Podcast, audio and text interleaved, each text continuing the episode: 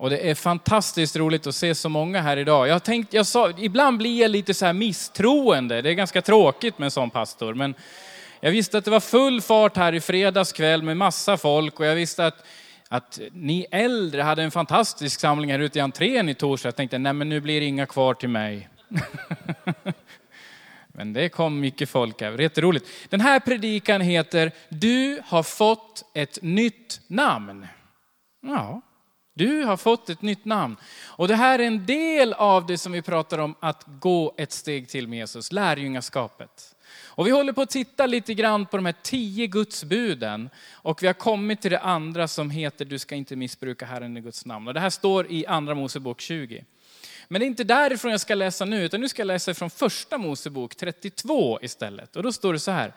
Under natten steg Jakob upp och tog sina båda hustrur, de två slavinnorna och sina elva söner och gick över vid Jabboks vadställe. Han förde dem tillsammans med alla sina ägodelar över floden. Han blev kvar där ensam. Och en man brottades med honom till gryningen. När denne såg att han inte kunde vinna kampen slog han till Jakob på höften så att den gick ur led när de brottades med varandra. Sen sa han, släpp mig för dagen gryr. Men Jakob svarade, jag tänker inte släppa dig förrän du välsignar mig. Vad heter du? frågar mannen. Jakob, svarade han. Och då säger ängeln, du ska inte längre heta Jakob. Du ska heta Israel, för du har kämpat med både Gud och människor och segrat. Säg mig, vad heter du? frågade Jakob. Varför frågar du om mitt namn? sa mannen till honom. Och han välsignade honom där. Jag vet inte hur mycket du känner till om Jakob. Ehm, men han hade haft lite krångligt liv kan man säga. Han hade börjat med att haka i brorsans häl ut ur moderlivet på mamma. Så att han liksom, det var liksom, och, och det här präglade liksom livet, att han var där och krånglade till det. Så att Esau förlorade förstfödslorätten. Han lurade av honom med vad det, linssoppa. Det låter inte ens så gott. Men, men, men det var någon som var väldigt hungrig. Ehm, och, och liksom lovade bort förstfödslorätten. Han lurade till sig välsignelsen från sin pappa. Och så fortsätter det på det här sättet i Jakobs liv. Det stannar inte där, utan han ska liksom iväg och skaffa sig en fru. Och det här är ju lite längre sen än nu. Det är inte riktigt Gävle city 2021. Utan han åker till ett annat land och så träffar han en som heter Laban. Och så blir han kär i hans dotter och frågar, kan jag gifta mig? Ja, om du jobbar i sju år. Och så jobbar han i sju år och så får han en annan dotter som heter Lea. Och så håller det på så här, så att i 14 år jobbar han här. Och, och han avslutar det hela genom att lura av Laban nästan alla djuren. Och, och liksom Jakobs liv är en massa krångligheter och, och, det står inte att Gud sa si och så, så här, utan, utan han krånglar sig fram. Ja. Och han bråkar kan man säga med människor. Och, och, han, och nu brottas han med Gud. Mm. Och resultatet av den här brottningskampen, den här natten, det blir en välsignelse, ett nytt namn och en märkt gångstil. Mitt namn, jag heter Fredrik Arvehed. Det har jag inte hetat hela livet. Min, mina föräldrar hette Hansson, så när jag växte upp hette jag Fredrik Hansson. Och eh, och sen så när vi gifte oss, jag och Sofia, så tittade vi lite grann på det. Hon hade ett efternamn, jag har ett annat. Och så såg vi att på hennes sida så fanns det ett namn, ett namn som heter Arvehed. Och, och så landade vi i att ja, men det där vill vi bära vidare tillsammans. Mm. Och så kommer vi till Fidjöarna som missionärer i ett varmt land med en varm kultur. Och, och, och var en där på basen som frågade, vad, vad kommer dit? Varför heter du inte som din pappa? Och så förklarade jag det här och då sa hon till mig så här, säg inget i byarna. Säg ingenting om det här när du kommer ut i Filianska byn. De kommer aldrig sluta skratta. Att ta svärmors flicknamn, det var inte liksom det man skulle göra för att få respekt i byn. Då skulle de aldrig sluta skratta åt den. Så vi sa ingenting om det, men det gick bra ändå. Och det här med namn kan betyda, men för oss så var det faktiskt så här att min svärmors flicknamn, det hängde ihop med församlingsplantering. Och det kändes så gott, det var en liten släkt och att få vara med i det kändes så gott för oss. Hon var med, en, en släkting var med och, och bildade det som idag är bykyrkan i Undersåker i Jämtland. Ganska länge sedan nu. Men det fanns en pionjäranda att få bära ut evangeliet som vi tyckte att det här vill vi stå med i. Ja, nog om det. Men namnets betydelse har i olika, på olika platser haft olika betydelser. Man kan ha gett liksom ett namn till någon, till exempel brorsan till Jakob. Vet ni vad det betyder? Esau. Hårig. Ja. Är det någon som tänkt döpa sitt barn efter det någon gång? När det kom fram och så, det var en hårig en. Hårig Andersson. Och det här har vi ju haft i Sverige också till viss del, soldatnamnen. De fick ju heta Kvick och Frisk och pålitlig, ja inte pålitlig, men, men det fanns en massa sådana här soldatnamn. Och ibland så var det också, jag har läst om det, så kunde de, ja men det är ju bara, han är ju den enögde, då får han heta så. Mm. Och jag vet inte vad du har för ett namn inne i dig. För nu pratar jag kanske inte om det namn som du reflekterar eller svarar till, utan det som någon sa till dig i din familj eller i ditt sammanhang. Du som är så svag. Du som är så liten. Du som kom inte här. Du, och så kommer det tilltal. Det kan vara namnet själv, men det kan också sättas stämpel på dig från dina egna föräldrar. Helt, de ville säkert inte det, men det kan bli så i livet att det stämplas saker in i dig och mig, nästan ända in i hjärteroten, som präglar våra liv. Det kan bli namn som du hör och som du hört i skolan kanske, när det liksom skallen ropar. Och du kanske hade ett speciellt utseende eller vad det nu kan vara för någonting. Och det här kan liksom färga ditt liv på ett sätt som det inte alls var tänkt. Vet du att idag så kan du få ett nytt namn. Mm. Ja, men, och det kan till och med bli så att vi ger varandra namn fast vi inte vill det. Ja, men du vet, du vet hur den där är. Va? Lite väl framfusig. Lite väl känslosam. Lite för mycket, helt enkelt. Och så sätter vi varandra i fack och vi, vi, vi, vi dömer och bedömer varandra. Till och med inne i en kyrklig miljö kan det här hända, fast vi inte vill det. Därför att vi försöker skapa en trygg grupp runt oss själva och så vill vi liksom kategorisera de andra. Men vet du, även om det inte hörs ut till den andra personen så känns det någonstans i atmosfären när man möts. Och så blir det ett namn som du får som du inte vill ha. Det kan komma från din uppväxt, det kan komma ifrån, ifrån eh, jobbet, det kan komma från någon fika, rast någonstans. Det kan komma varifrån som helst, från fotbollslaget. Men det namnet min vän, det är inte din identitet. Det är inte din identitet. Jesus, hans namn betyder Herren räddar. Och i andra Korinthierbrevet 5 och 17 står det så här, den som är i Kristus är alltså en ny skapelse. Det gamla är borta och något nytt har börjat. Allt detta kommer från Gud som försonade oss med sig själv genom Kristus och gav oss försoningens tjänst. När du tar emot Jesus Kristus, då är det som att du kliver in i Jesus. Du får del av ett helt nytt namn, en helt ny identitet, nämligen Jesus Kristus identitet. Det finns spår av dig ifrån försoningen som gör att när Gud tittar på dig, då ser han Jesus Kristus när han ser på dig.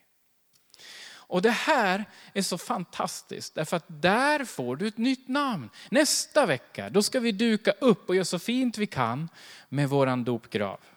Yes, vi ska ha dop nästa söndag. Och, och du vet, dopet, det, det, det kan ju blandas ihop det här att man tänker, vad är du döpt till för namn? Och riktigt så är det inte på ett plan, därför att man döps till Kristus. Men samtidigt Samtidigt är det en sån tydlig markering att nu lämnar jag det gamla livet. Nu låter jag det begravas. Bara en tiondel sekund. För jag ska uppstå igen med Kristus och jag får leva i Kristus.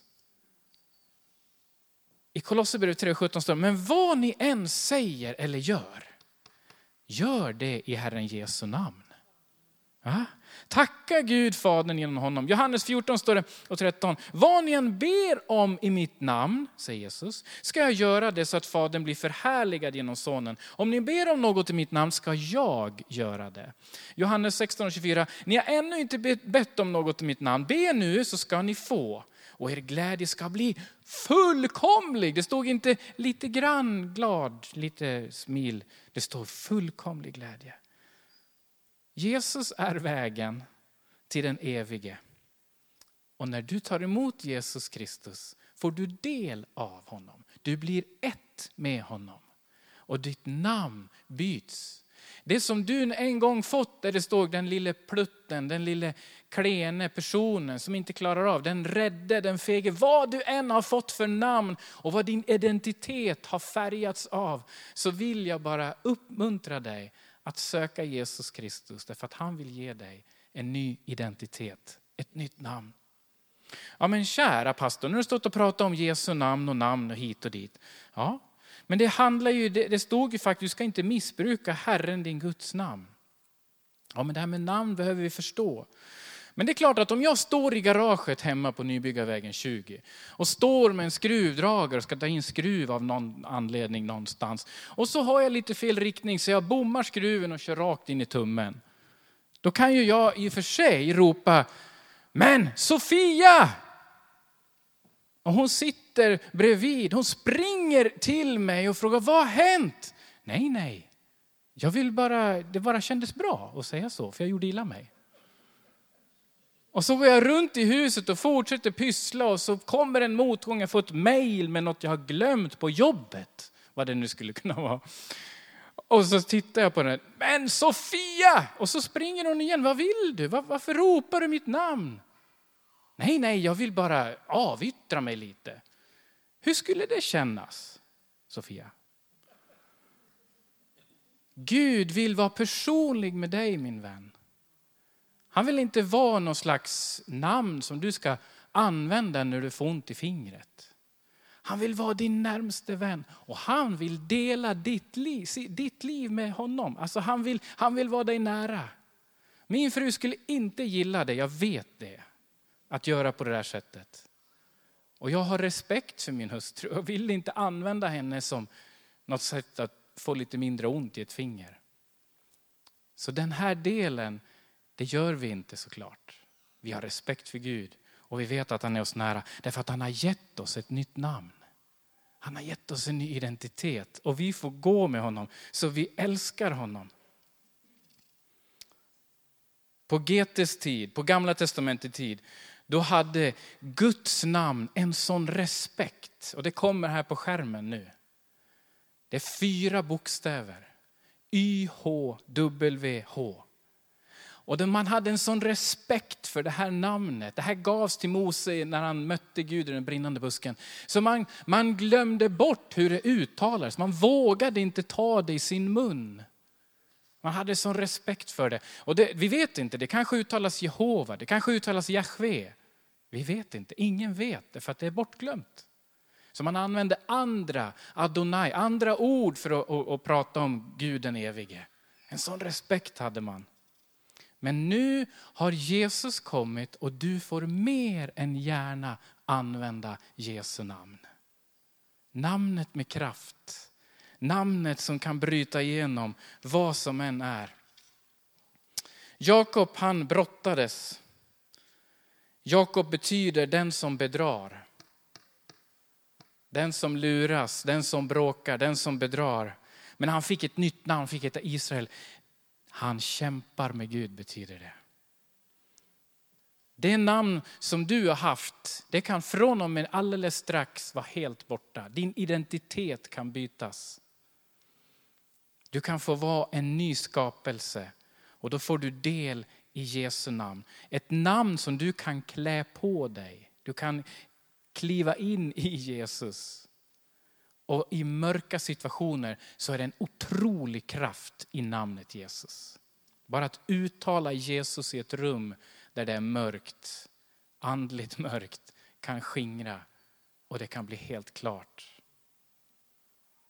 Vi tillhör Jesus och vi får använda hans namn. Vi bjuds in att använda hans namn. Han säger använd mitt namn så ska jag göra någonting. Det handlar inte om att du och jag ska göra någonting, utan att han får göra någonting i ditt liv. Vilken skillnad. Vi ropar inte ut varandras namn när vi slår oss, inte heller Guds namn. Istället så får du Jesu namn märkt i ditt liv. Och du har blivit välsignad med evigt liv. Du har fått en ny identitet som heter i Kristus. Efter brottningskampen så kan det hända att du måste gå lite långsammare. Du vet Jakob, du vet när man slår ur höften, då är det inte så enkelt att springa. Nej, det är inte så enkelt att bara kuta vidare och flåsa på. Utan du måste du ha ont. Och du som står i brottningskamp med Gud och tycker det är jobbigt. Du ska få se att du kommer igenom den natten. Och du ska få se att du kan få ta emot en välsignelse. Men du kan bli märkt för livet därför att du behöver gå något långsammare tillsammans med Gud. För det är han som vill leda dig. Du går med konungars konung och herrarnas herre. Och då gör det ingenting om det går lite långsammare. Amen. Är det någon som vill få byta sitt namn? Är det någon som vill byta ut sin identitet och få vara i Kristus? Jag ska be tillsammans med dig, vem du än är. Lovsångsteamet kan komma fram. Vi ska snart gå in och sjunga och börja be för varandra konkret. Det är det som är så fantastiskt med den här församlingen, att det finns så många som, som tror på bönens kraft och som ber och vi får se saker hända vecka efter vecka. Det är så här också att Jesus, han kommer att komma tillbaks. Och han vill ta med oss. Det finns mycket spännande saker i Bibeln om vad som ska hända när han kommer tillbaks. Och du och jag, vi vill vara beredda. Vi vill tillhöra Jesus. Vi vill vara beredda när han kommer. Vi vill, vi vill få stå med. Men det kan vara viktigt att fatta heliga beslut för att få identiteten klar. När du har tagit beslut att följa Kristus, då kan du också låta döpa dig och få visa, jag vill följa Jesus. Jag vill gå med honom. Jag har bestämt mig.